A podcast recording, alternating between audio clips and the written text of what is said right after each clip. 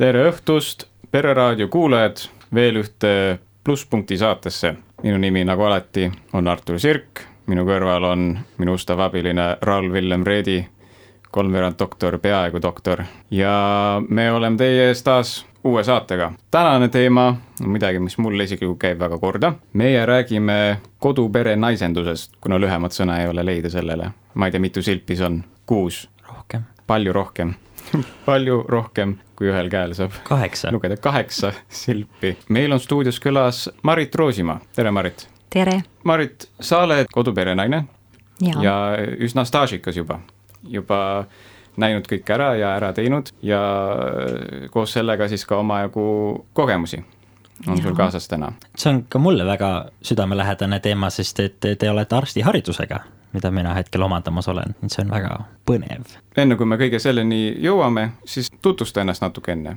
kust sa tuled, ja ma olen sündinud Tartus tudengite lapsena ja selle tõttu esimesed kolm, kolm pool eluaastat elasime Tartus, siis vanemad lõpetasid ülikooli, nad olid muide samal kursusel, õppisid ka arstiks. Ja siis nad eh, kolisid edasi koos minuga ja siis ka juba minu peatselt sündiva väikese õega, oli kohe sündimas, kolisime Pärnumaale Suiku, minu isa vanemate koju. Ja seal me siis elasime, kuni mina sain kaheksa-aastaseks, siis kolisime edasi Pärnusse.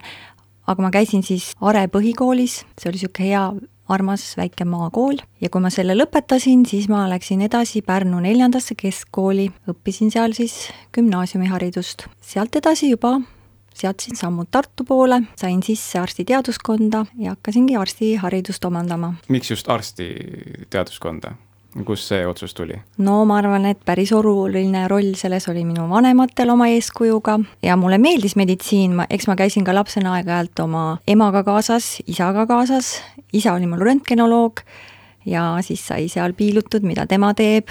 Ja ema oli tolle aja nimetuse järgi jaoskonnaarst, aga noh, praegu võiks põhimõtteliselt öelda, et nagu perearst. Ja mind võeti ka vahepeal sinna kaasa ja siis ma sain pealt vaadata, kuidas ta patsiente vastu võtab ja, ja mulle meeldis see. Ja üldse ma olen inimene, kellele meeldib teisi inimesi aidata ja, ja siis meditsiin on ka üks võimalusi inimesi aidata. Läksite meditsiini õppima, milline see haridustee oli? haridustee kulges niimoodi päris rahulikult, kuni sinnamaani muidugi, kui ma abiellusin, siis läks natuke keerulisemaks, siis ma olin vist neljandal kursusel. no muidugi natuke keeruline oli meie jaoks see, et minu abikaasa õppis ähm, kolm aastat Helsingis, nendest siis üks aasta oli selline, kus me olime juba abielus ja siis, kui ta tuli tagasi, siis me olime juba viiendale kursusele minemas, siis ma jäin ootama oma esimest last, siis tuli võtta vahepeal üks akadeemiline puhkuseaasta ja siis äh, ülikooli lõpetades, siis ma olin juba aastase lapse ema, muidugi teha äh, arstiteaduskonna lõpueksamit aastase lapse kõrvalt oli paras väljakutse. Ja siis ma veel tegin läbi ka internatuuri aasta ja selle aasta lõpuks siis ma juba jäin ootama teist last, nii et äh, internatuuri eksamil tuli ka natukene iiveldust kannatada ja, ja seda nii-öelda eh, niimoodi rasedana teha hmm. et noh, see oli natuke keeruline, aga muidu mulle meeldis arstiteaduskonnas, väga huvitav oli. nii et te lõpetasite arstiteaduskonna ära, internatuuri ja saite üldarsti paberid kätte ja, ja Ja. siis, mis te edasi tegite? ja no kuna siis mul oli selleks hetkeks juba kaks väikest last, siis ma igal juhul otsustasin, et ma mingi aja olen kindlasti nendega kodus, mõne aja pärast sü- sündis juba kolmas laps ja siis hakkas tekkima selline tunne, et ma pean nüüd langetama ühe olulise otsuse. ma sain aru, et väga keeruline on olla korraga hea arst, hea ema ja hea abikaasa vähemalt mina tundsin, et mina ei suuda seda niimoodi, et ma kõiges oleksin nii tubli, et ma saaksin rahul olla, et ma olen abikaasa, ema ja veel ka tubli arst, kes käib täiendustel, teeb pikki tööpäevi. Ja mul tuli ka meelde oma lapsepõlv, sest et minu ema ei olnud niimoodi pikalt kodus, tema kas oli siis tudengina jätkas, ta ei, akadeemilist ei võtnud, kui mina sündisin ja, ja, ja järgmiste lastega ka, ta ikkagi pidi varakult tööle minema, sest nõukogude ajal lihtsalt oli nii, et vist minu teada sai kolm kuud lapsega kodus olla, siis pidi juba tööle minema ja mina tegelikult tundsin sellest lapsena puudust, et ma ei saa piisavalt palju oma emaga olla. Õnneks asendas minu jaoks ema küll nii-öelda minu vanaema, isapoolne vanaema, kes siis meiega tegeles ja ja palju aega pühendas, sest ta oli pensionär juba, aga aeg-ajalt mõtlesin selle peale, et ma tahaksin et minu lastega oleks teistmoodi, et ma saaksin ise neid kasvatada. enne kui me selle kohta rohkem küsime, mis roll usul on olnud selles kogu selles elukäigus, mis te siiani rääkinud olete? jaa, ma olen ju sündinud kristlikusse perekonda ja isegi lausa suguvõssa, võiks öelda, sest ka minu vanavanemad ja isegi enamus vana-vanavanematest on olnud kristlased ja juba lapsest saadik ma käisin alati koos vanematega kirikus ja oma teadliku otsuse, otsuse tegin ma juba seitsmeaastaselt ja siis kuueteistaastaselt sain ristitud, sest et nõukogude ajal varem ei tohtinud seda teha, aga siis, siis ma sain suigu koguduse liikmeks. muidugi olen püüdnud ikkagi võimalikult palju ka koguduse töösse panustada, siis kui lapsed olid väikesed, siis, siis muidugi oli teatud periood, kus ma seda väga teha ei saanud. kas koduperenaiseks hakkamine, kas see tuli teile ootamatult või oli see juba pikka aega selline soov? kui ma nüüd alustasin arstiteaduskonna valdkonnas õpinguid, siis ma küll niimoodi veel ei mõelnud, et ma nüüd kindlasti jään koduseks ja noh, esiteks ma ju siis ei olnud veel abieluski, ma ei olnud ju päris kindel, kas ma ikkagi abiellun või millal ma abiellun, kas ma saan lapsi, kui palju ma lapsi saan, seda ma ei teadnud. kui võib-olla esimesed kaks last olid sündinud, siis ma ei olnud selles otsuses veel päris kindel.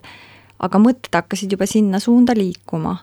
ja kuna minu abikaasa oli ka äh, nagu see, kes ütles, et kuule, et, et sa võiksid ikkagi nüüd kodus olla ja see mõjub kindlasti meie perele hästi, siis see muidugi tõukas ka veel tagant seda mõtet, et võiks jääda kodupereniseks. see oli abikaasa, kes seda ütles? jah. nii et asjaolud olid need, mis mingil määral ajendasid siis selle otsuse suunas? nojah, just see tunne, et, et ma tahaksin olla rohkem oma lastega, kui võib-olla minu enda ema sai olla. Ma tahaks neid ise kasvatada, näha nende arengut, olla kogu aeg nende kõrval, et niisugune, niisugune soov oli. Hmm. kas teil on kunagi tekkinud tunne, et see haridus ja kõik see, mis te nägite vaeva õppida hästi ja õppida arstis, see kuidagi rakendamata või kuidagi groteskselt öeldes läks raisku? eks niisuguseid äh, mõtteid on peast läbi lennanud küll, aga miks ma siis seda vaeva nägin seitse aastat, aga ikkagi ma olen oma mõtetega alati selleni jõudnud, et tegelikult see ei olnud ju raisatud aeg, sest ma, mul on hea meel, et mul on kõrgharidus, et ma jagan meditsiinist rohkem kui võib-olla mõni teine inimene ja seda saab väga hästi oma peres ju ka rakendada ja, ja olla ainult see oma perearst. ma lihtsalt äh, mõtlen siin kõrvalt, olen natukene oma rühmakaaslastega rääkinud arstiteaduskonnas ka sellel, sellel teemal ja siis kujutan ette, et just see mõte, et et abikaasa ütleb, et jää sina koju, et aga, aga miks mees, kui sa nii väga tahad last ja siis hoida, jää sina koju, et miks sina võid minna Soome ja ennast täiendada ja elada sellist, sellist jah, elegantset elu ja, ja noh, teha karjääri ja, aga miks mina pean kõik ära andma ja sul mugav öelda, on ju, midagi sellist. nojah, muidugi mina olen natukene selline kodukana tüüpi inimene ka, et kindlasti on selliseid naisi, kes tahavadki teha karjääri kes ei taha üldse niimoodi koju jääda ja ma saan ka nendest aru ja inimesed ongi erinevad.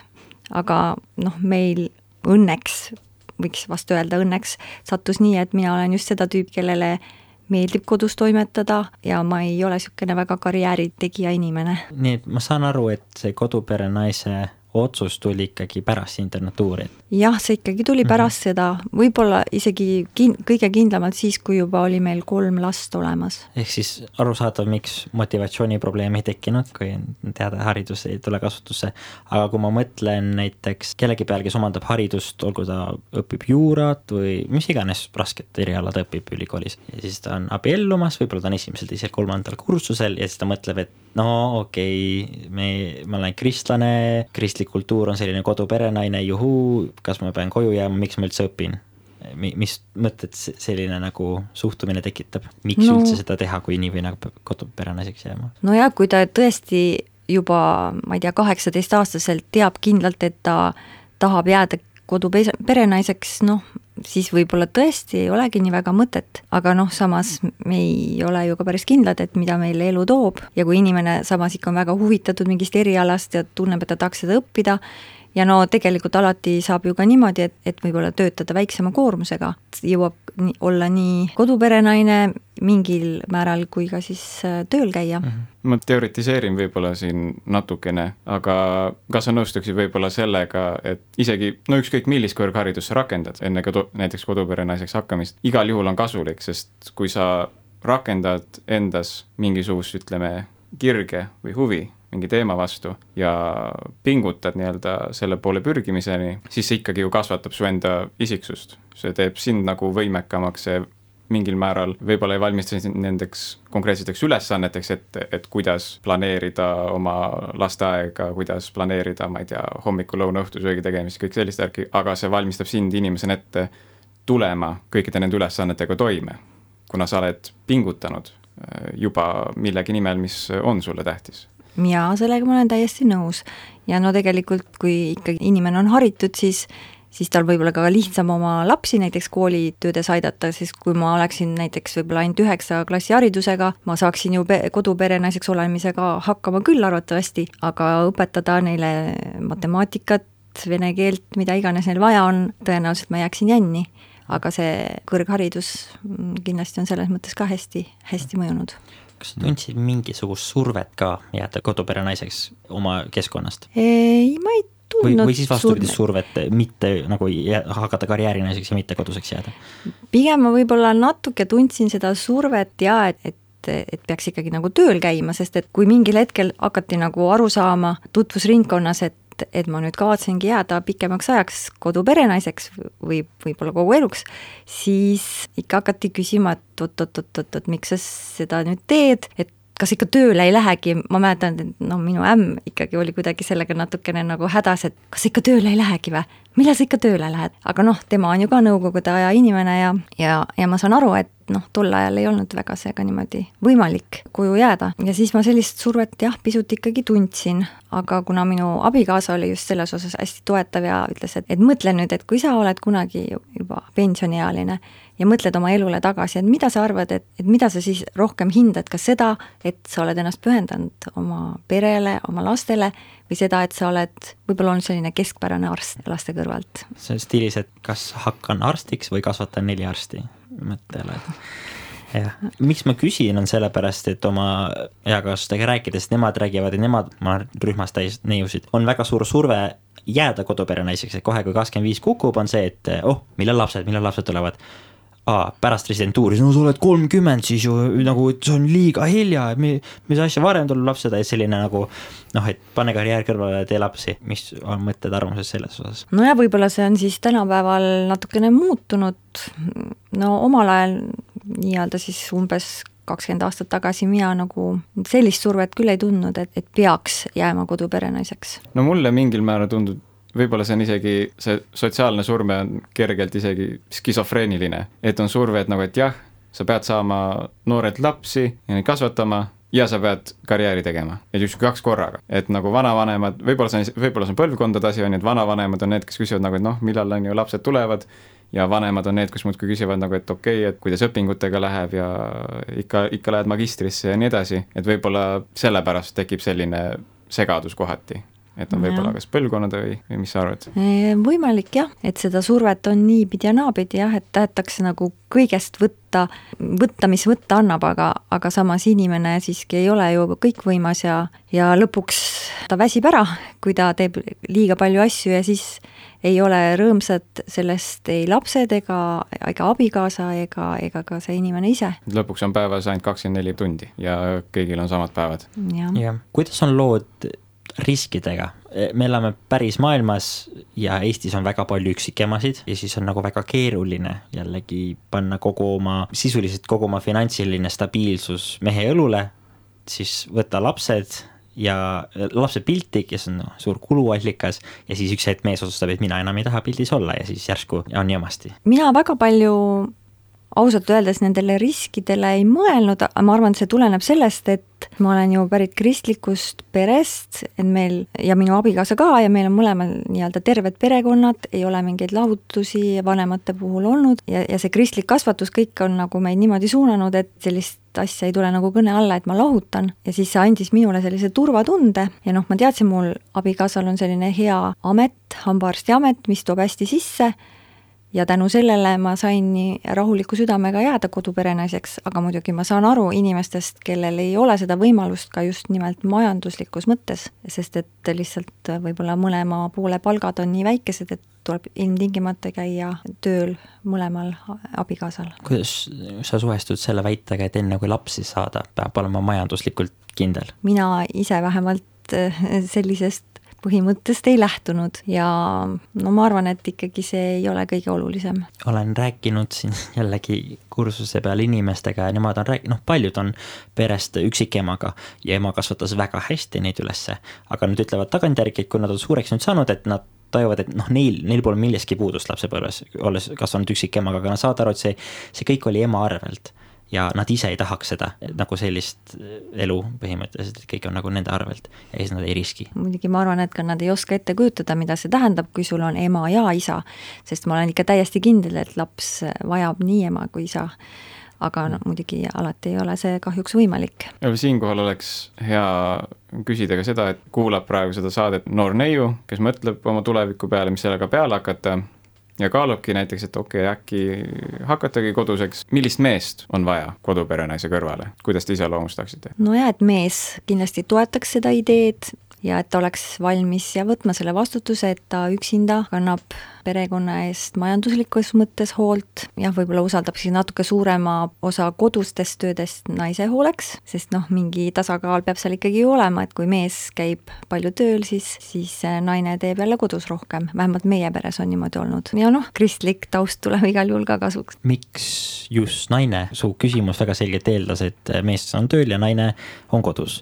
Ma siis küsin niipidi, et kas see on siis see kõige parem mudel, et naine on kodus ja mees on tööl et see on see nagu kõige õigem, et mees nagu koju jääda, et siis see on nagu kuidagi, mulle vähemalt tundub, et vaadeldakse kui nõrkuse tunnust. kuidas kommenteerite, kas siis on see tõesti ainuõige, et noh, naine jääb koju ja mees töötab? minule tundub, et vähemalt esimesel eluaastal ei saa kohe mitte kuidagimoodi keegi ema asendada, ei isa ega, ega keegi teine. sealt edasi, noh, kui laps on seal võib-olla juba kolme-nelja-aastane, siis mingi aja ju võiks ta isaga ka olla, aga, aga kuidagi see ema instinkt ja kõik see, seda isegi, ma ei tea, raske sõnadesse panna, aga ma ei, ma ei kujutaks ette, et isa saab kuidagi asendada seda, seda, mida ema suudab anda ühele väiksele lapsele. see on äkki ka selline järjepidevuse asi, et võib-olla kui ema juba õpib oma last nii hästi tundma nende esimese paari eluaasta jooksul, siis on tugev selline alus on ju olemas. Ja tegelikult, kui teised lapsed ka sünnivad sinna juurde, siis põhimõtteliselt see ei ole, on ju, kaks-kolm aastat, vaid tegelikult see pikeneb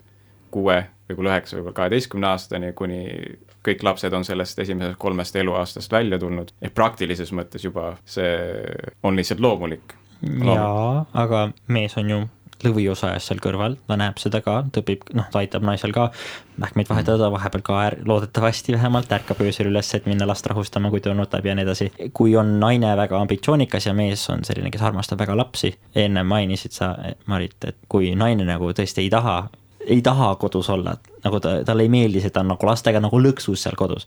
et siis see tõenäoliselt ei ole perele hea, samal ajal kui mees mõtleb, et oh, lapsed, eluõied, et siis ju see vahetus tunduks mulle loogiline, kui me vaatame kõik asjad võrdsena, kuid siiski mulle näib, et on mingisugune selge kalduvus selle peale, et ei, naine, koduperenaine, koduperemeestest me väga ei räägi. kas see on mm. lihtsalt sellepärast, et noh, ei räägi või, või on siin ikkagi mingisugune dogma või isegi stigma ja kas see, äkki see on põhjendatud selles mõttes, äkki, äkki ongi niimoodi piibelik või õige või parem? ma tean, niisugune tunne, et see on nagu nii loodud, et naised hoolitsevad laste eest ja mehed siis toidavad perekonda, et see on kuidagi läbi aegade niimoodi olnud ja tundub lihtsalt nii loomulik. aga no ma olen muidugi sellega päri, et kui naisterahvas hirmsasti tahab karjääri teha ja, ja see sobib ka tema abikaasale, kes tahab olla lastega kodus, kui oleks valik, et kas üldse mitte lapsi saada või valida see variant, et mees on lastega kodus, noh siis ikkagi ju, ikkagi pigem siis see viimane variant. et siis mees on lastega kodus on selline viimane ja, variant? jah, sest et no,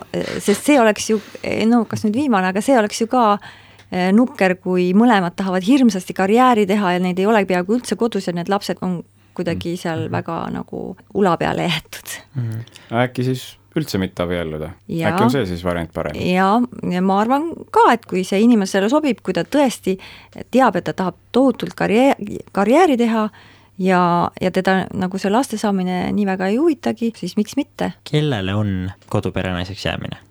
Sisuliselt millise, millisele naisele, kas on kõigile, kas kõik võiksid koduperenaisteks jääda ja ainult mehed on tööl? no ma arvan, et kõigile see ei sobi, sest inimesed on nii erinevad, et mõnel on ikka vajadus kodust välja minna, on tulnud naisi minu juurde, kes ütlevad, et kuidas sa suudad kodus olla niimoodi päevad läbi aastad, aastad läbi, et mina küll ei suudaks et ma juba tahtsin ka mõne kuuse lapse kõrvalt minna edasi õppima ja tööle ja ja siis ma tahtsin minna välismaale ja seal täiendada ennast ja ma ei saa aru, kuidas sa suudad niimoodi. aga ma ei tea, mina jälle nagu ei tunne üldse, et see oleks kuidagi sundus, mulle väga meeldib. aga ma, ma saan aru, et mõni inimene on lihtsalt nii teistmoodi ja tema ei saakski olla kodus. pigem on see inimestele, kes igatsevad seda. see pole kuidagi mingi moraalselt äh, kõrgem või õigem. jah, et see ei tohiks ikkagi olla peale sunnitud inimesele, sest kui ta seda teeb vägisi ja hambad ristis, siis ma arvan, ei tule sellest midagi head välja mm.. aga et maalida natuke pilti sellest, et koduperenaine saab siis kodust välja üldse? või kas ta ongi nelja seina vahel kogu aeg? no ma ütleks selle kohta nii, et oleneb, kui vanad parasjagu lapsed on ja kui palju neid on. sest kui on, oletame, et, et on juba kolm last, üks on viiene, üks on kahene ja üks on vastsündinu, siis ei saa see ema kodust välja muud moodi kui ainult siis, kui ta võtab tunniks-paariks lapsehoidja ja no sellise mudilaste hul- hulga juures väga kergesti lapsehoidjat ka ei leia, kes tahaks niimoodi kolme hoida ja, ja kui üks on nendest veel hästi pisike. aga noh, minul oli see hea asi, et minu ämm elas meil suhteliselt lähedal ja siis tema ise tahtis vahepeal ikka, et lapselapsi enda juurde võtta, nii et noh, selles mõttes oli tore. aga jah, kui on nüüd selline olukord, et vanavanemad elavad väga kaugel ja ei ole nagu eriti sellist tugiisikut, kes aitaks vahepeal lapsi hoida, siis muidugi võib see väsimus ikkagi peale tulla küll ja just see ka, et, et ei ole võimalik võtta seda kvaliteetaega oma abikaasaga, mida on ju ka vaja.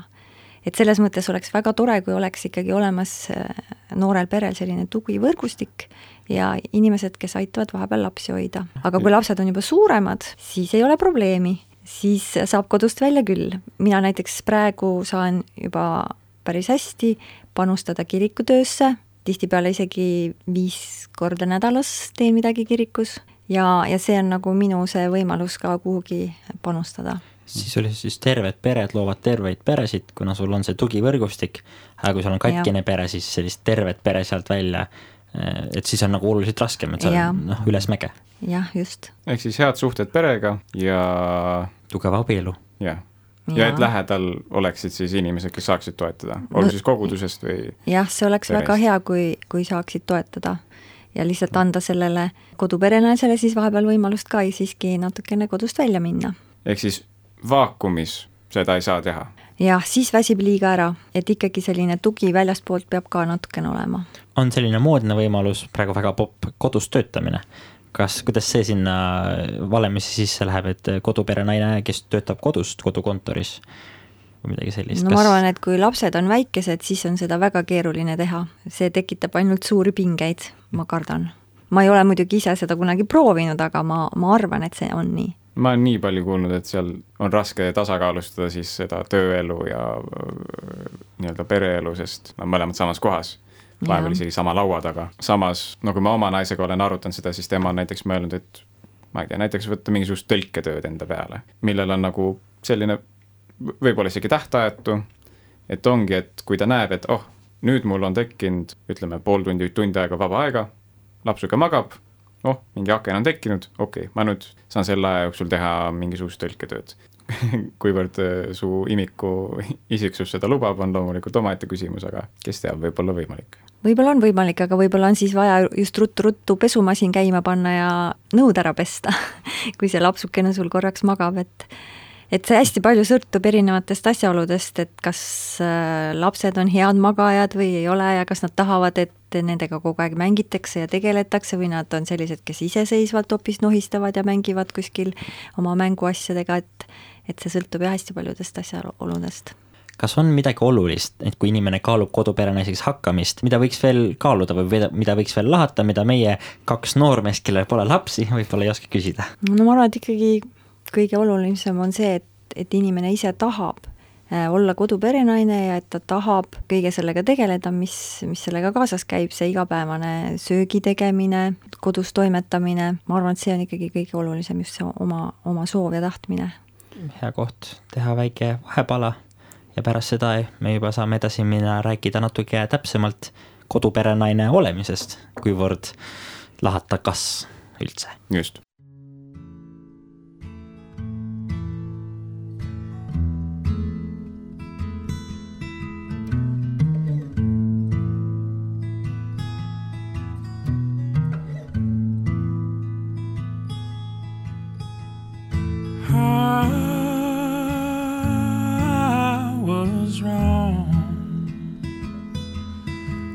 Everybody needs someone to hold on. Take my hand. I've been a lonesome man. Took a while to understand. There's some things we can't live without a man so prone to doubt. Faithful are the wounds of friends. So give it just a little time. Share some bread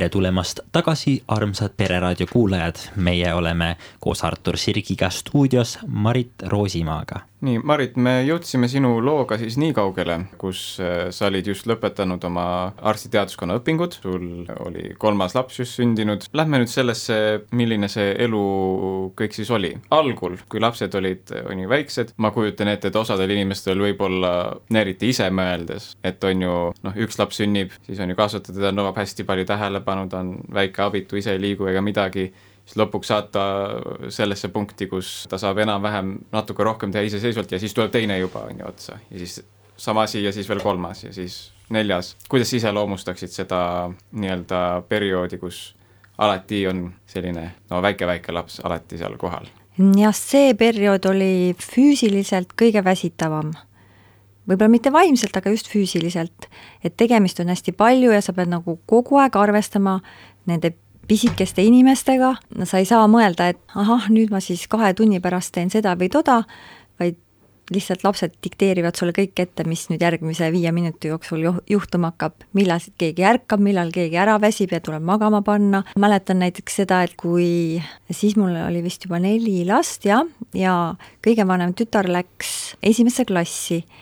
Ja siis oligi niimoodi, et mäletan ühte hetke, kus ma istusin toapõrandal ja üritasin aidata tal mingisugust kooliülesannet täita, võib-olla ta harjutas lugemist äkki, siis ma samal ajal kussutasin süles magama vastsündinut ja siis teise käega mingi mänguasjaga mängisin veel ühe lapsega, nii et ma tegin nii-öelda kolme asja korraga. See oli päris keeruline, et see on, see on mulle meelde jäänud, niisugune seik. kus abikaasa kõige selle keskel oli? abikaasa oli tööl ja siis tal tööpäev läbi sai, siis ta päris palju tegi asju kiriku juures. me käisime siis äh, selles väikses Annelinna koguduses, kus oli palju tegemist, sest noh, liikmeid oli vähe ja siis ühe inimese peale langes päris suur koormus ja siis vahepeal, kui ta sellest kõigest ära väsis, siis ta läks kalale. ja siis oligi niimoodi, et küllaltki suur koormus lastega tegelemisel oli minu peal. Ja eks see tekitas meil ausalt öeldes natuke ka probleeme, sest mina ikkagi ootasin seda, et ta oleks rohkem kodus ja just kui lapsed väiksed olid, et, et oleks mulle rohkem toeks, aga ma samas ma sain ka aru, et tal on ka vaja vahepeal nii-öelda kett lõdvaks lasta ja minna kalale.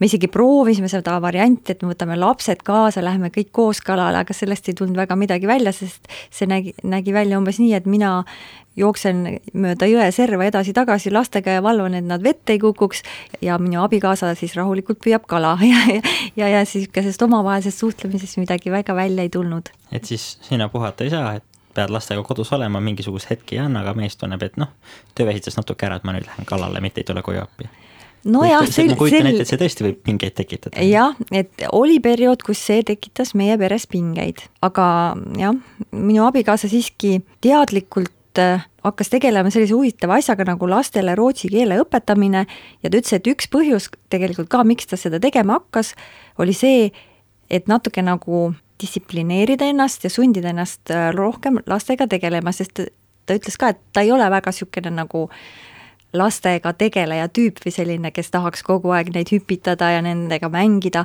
Ja siis ta pidi endale midagi välja mõtlema, et, et saada ennast nagu lastega tegelema, et see motiveeris teda ennast ka, et, et nii põnev, et õpetan neile rootsi keelt, ise räägin ka või õpin selle käigus ka rootsi keelt ja siis ta vaatas nendega raamatuid ja, ja pani seal rootsikeelseid lastelaule ja siis keerutas ja müras nendega selle saatel. Ja meil olid alati rootsikeelsed õhtujutud ja niisugused, võiks öelda ka nagu sellised õhtupalvused, mis tegelikult toimivad siiamaani, kuigi meil hetkel on nüüd ainult kaks tütart veel koju jäänud. Ja nad on ju ikkagi juba päris suured, üks neist on üheksateist ja teine kuusteist nii et viimati eile õhtul veel saime niimoodi perega kokku ja siis loeme raamatuid rootsi keeles, vahel on need kristlikud, vahel on ka Astrid Lindgreni mingid toredad raamatud ja siis ähm, niimoodi hoiame nagu miks ma torgin, on sest mul tekkis selline väikene dissonants selle vahel, mis sa ütlesid eelmises saate pooles, kus on ikka nagu suur vahe, kas, kas naine peab üksi lapsi kasvatama või on mees kõrval. aga samas siis selles jutus kõlab nagu mees ei aita kodus, see on täielikult naise asi ja mees saab siis noh, põhimõtteliselt oma elu elada. no eks see natuke kippus meie puhul sinnapoole kalduma, aga, aga ma siis ikkagi üritasin kuidagi vaikselt kogu aeg sellega tegeleda, et ka mu abikaasa noh, oleks natukene rohkem kodus ja, ja eks ta nüüd naljaga on mul, minule öelnud ka, et, et sa oled mind ära kodustanud, et nüüd mulle juba täitsa meeldib rohkem kodus olla, aga ta oli jah seda tüüpi eh, mees, kes tahtis hästi palju nagu kodust välja toimetada kogu aeg ja lihtsalt see on nagu see ideaal, et ema ja isa ikkagi koos kasvatavad lapsi ja no eks ta kasvatas ka, aga, aga no ütleme, et see tunduvalt suurem selline koormuse osa langes nagu minu peale. Aga mida aeg edasi läks, siis, siis hakkaks ta siiski nagu ka rohkem lastega tegelema, ta ütles ka, et ta tunneb, et ta oskab tegeleda just rohkem suuremate lastega, et nende beebidega ta ei oska nagu väga midagi peale hakata. kas see on võib-olla isegi asja nagu loomulik kulg?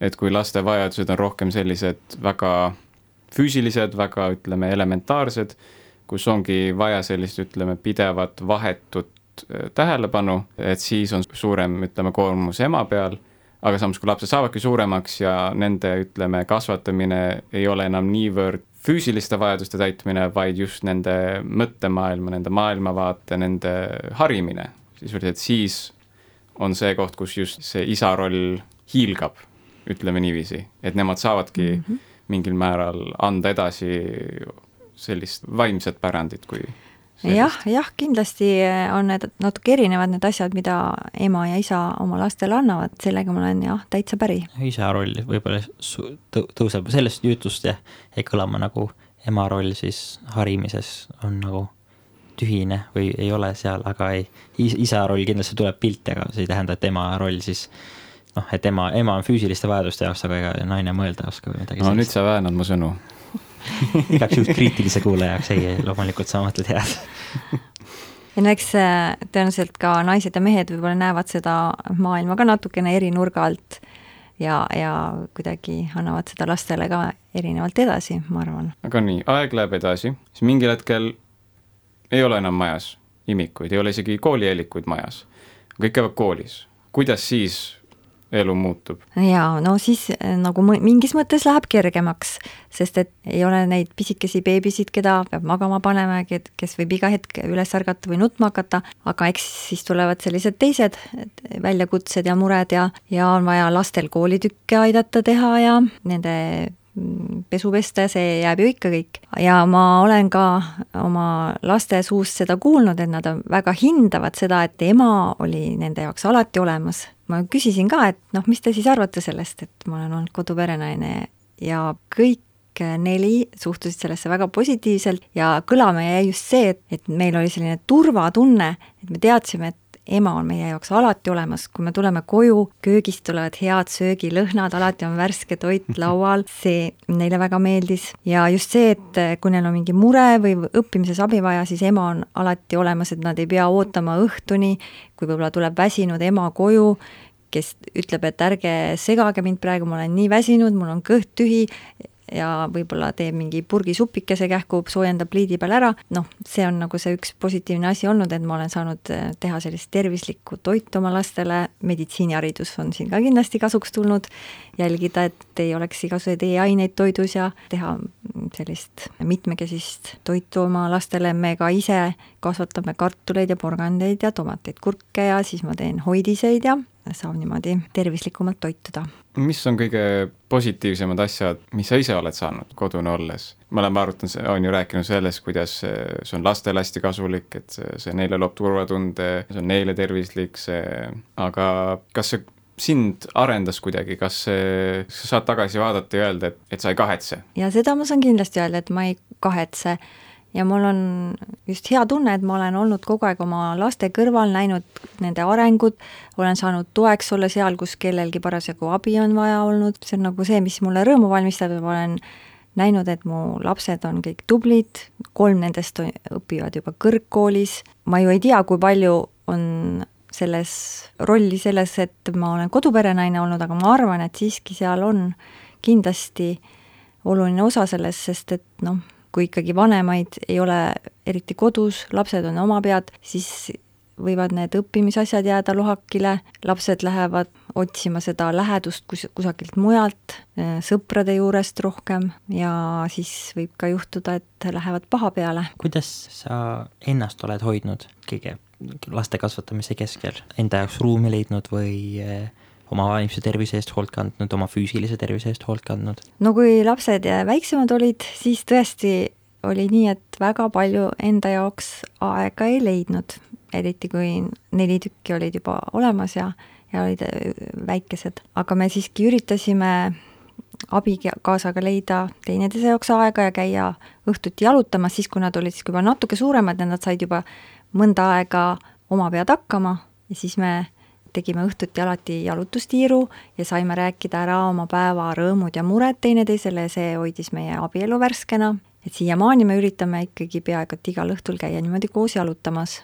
ja nüüd äh, juba viimased kolm või neli aastat ma olen käinud kolm korda nädalas trennis, see on väga tore, meeldib mulle, ja muidugi panustamine kirikutöös ka, seda ma teen hea meelega, mitmes erinevas töölõigus aitan kaasa, muusikas, naiskooris, bändis laulan, Alfal teen süüa, juunioritele tegin süüa ja mul on nagu hästi hea meel, et ma saan koguduse töösse panustada ja, ja ma olen selle peale mõelnud, et kui ma ei oleks koduperenaine, siis ma ei saaks kindlasti nii palju panustada koguduse töösse. ma lihtsalt ei jõuaks. on olnud niisuguseid hetki, kus ma olen mõelnud, et lapsed on juba nii suured, et äkki ma peaksin minema nüüd tööle kas just arstina, aga no võib-olla kuskile meditsiini äärealadele nii-öelda. ja ma olen selle pärast palvetanud ja ma olen saanud siiamaani iga kord sellise vastuse, et ma ei pea minema tööle ja, ja ma olen enda jaoks selle lahti mõtestanud niimoodi, et tõenäoliselt on see vajalik selleks, et ma saaksin teha koguduse tööd, sest et on ju vähe inimesi, kes saavad niimoodi igal ajal panustada, hommikul, õhtul, keset päeva, no millal iganes, et ma, ma saan nagu ise oma oma aega planeerida ju palju paremini kui need, kes käivad igapäevaselt tööl. mõnes mõttes sa oled täiesti asendamatu seal. no võib isegi võib-olla nii öelda ei tea. kas ma kuulen siis õigesti, et kui lapsed olid väikesed, siis eriti aega enda jaoks ei saanudki leida ses mõttes nagu hobide mõttes, küll aga abikaasaga suhe, suhte prioritiseerimine oli see, mis hoidis siis ennast pinnal, et teil olid need, et ainus asi, mida ma kuulsin, et mida sa mainisid, kui lapsed olid väikesed, oli see, et te käisite abikaasaga jalutamas ja see trend tuli nüüd siis alles hiljutisel ajal, kui lapsed on juba kõik suured. no ja kui nad päris väiksed olid, siis me ei saanud jah niimoodi jalutamas käia, lihtsalt no, oleks iga kord vaja olnud lapsehoidjat, aga kui nad olid juba nii palju suured, et neid sai natukeseks jätta oma pead sisse, siis sai jalutamas käia. aga jah, hobidega tegeleda väga ei jõudnud no lihtsalt ei olnud võimalik, sest et kõik päevad olid siiski hommikust õhtuni neid koduseid toimetusi ja lastega seotud toimetusi täis. ja kui siis äh, natuke aega keegi lapsi hoidis, no siis, siis jah, ei tegelenud hobiga, vaid pigem panustasin abielu, abielu õnnele ja mingil määral see üleminek oli siis loomulik, et kui algul sa pidevalt äh, hoidsid silma peal, et äh, kodus oleks kõik korras ja kõik nii-öelda vajadused oleksid täidetud, siis tasapisi, kui mida nagu iseseisvamaks lapsed nagu muutusid, siis seda enam, kui tekkis seda nii-öelda lisaaega, lisaruumi, siis tähelepanu läkski sellele, et mitte niivõrd sellele, et aa ah, okei okay,, nüüd ma saan võtta vabamalt või niiviisi, vaid oligi nagu, et okei okay,, aga nii, kus ma siis saan mujal aidata nagu sa ütlesid, see energia läks üle just koguduse aitamisse, et võib-olla seal on ka selline loomulik üleminek. jah, tõesti, kui ma hakkan nüüd niimoodi järgi mõtlema, siis jah, ma väga nagu niimoodi suure, suurelt ei ole mingite hobidega tegelenud, no mulle on meeldinud seal kudumine ja heegeldamine, natukene ma sain seda laste kõrvalt teha, aga mitte palju, nüüd on see nii-öelda potipõllundus, aga jah, niisuguseid äh, suuri hobisid ei ole olnud, ega ja raamatuid pole ka väga olnud aega lugeda, ausalt öeldes. Mm ja tekkis pigem selline harjumus, kui ma lastega toimetasin, süüa tegin, siis ma kuulasin pereraadiot.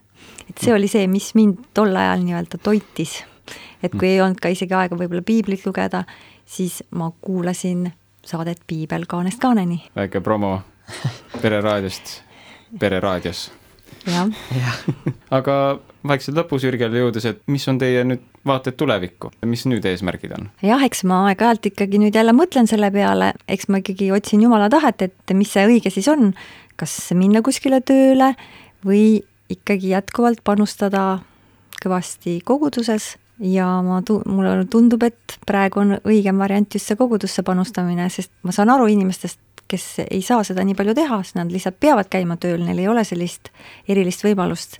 ja ma aeg-ajalt mõtlen, et ma olen ikkagi väga tänulik Jumalale, et ta mulle sellise võimaluse on andnud, et ma saan olla kodupere, perenaine, sest et väga paljudel lihtsalt see ei ole võimalik ja ma tahaksin seda siis võimalikult hästi ära kasutada ka just Jumala riigi töö mõttes võib-olla lõpetuseks siis küsiks sellise küsimuse, et kas sul on midagi öelda, soovitada, hoiatada noortele naistele, kes mõtlevad karjäär, pere, kas jääda koju, kas proovida töö kõrvalt lapsi? no mina ütleks seda, et kellel vähegi võimalik on, siis ma soovitaksin väikeste lastega kindlasti olla kodus, sest et see on lastele hästi oluline. see tekitab nendes sellist mõnusat turvatunnet ja annab sellise mõnusa, sellise hea olemise. kui nüüd inimene muidugi tunneb, et ta hirmsasti tahab karjääri teha, eks siis tuleb seda teha, aga, aga leida endale siis sellised head abilised, eriti tore oleks, kui need oleks siiski lähisugulased, näiteks vanaema, kes on juba pensionil ja saab olla lastega, seda soovitaksin lähtuda muidugi jah, oma sellisest südameigatsustest, et vägisi ei saa olla koduperenaine. aitäh sulle! Millest tuli selline otsus või kuidas see juhtus, mõeldes just oma kursusel rääkides, siis on konsensus, et kui laps on, siis tuleks jääda koduseks ja laps on pühendumine. aga laps ei soovita saada just täpselt, et see tekitab selle sunni jääda siis koju ja siis nad väldivad lapse saamist. ma siis küsin, et siis räägi oma lugu lihtsalt. nojah, minuga oli niimoodi, et äh, mul olid natuke sellised vastakad tunded, et ma mingis mõttes tundsin, et ma juba nii väga tahaksin saada emaks. ma olin siis, nojah, kui ma sünnitasin esimese lapse, siis ma olin kahekümne nelja aastane ja ma kuidagi tundsin jah, et, et ma ei tahaks seda laste saamist väga kaugele lükata aga samas ma andsin endale aru, et see ei ole lihtne, kui sa käid ülikoolis, õpid arstiteaduskonnas ja sul on väikesed lapsed. Ja siis me kuidagi otsustasime nii, et, et me väga nii lapse sündimist ära ei hoia igal juhul, aga noh, niimoodi natukene üritame nagu edasi lükata, aga et kui tuleb, siis tuleb. Ja siis, siis juhtus nii, et ta tuli.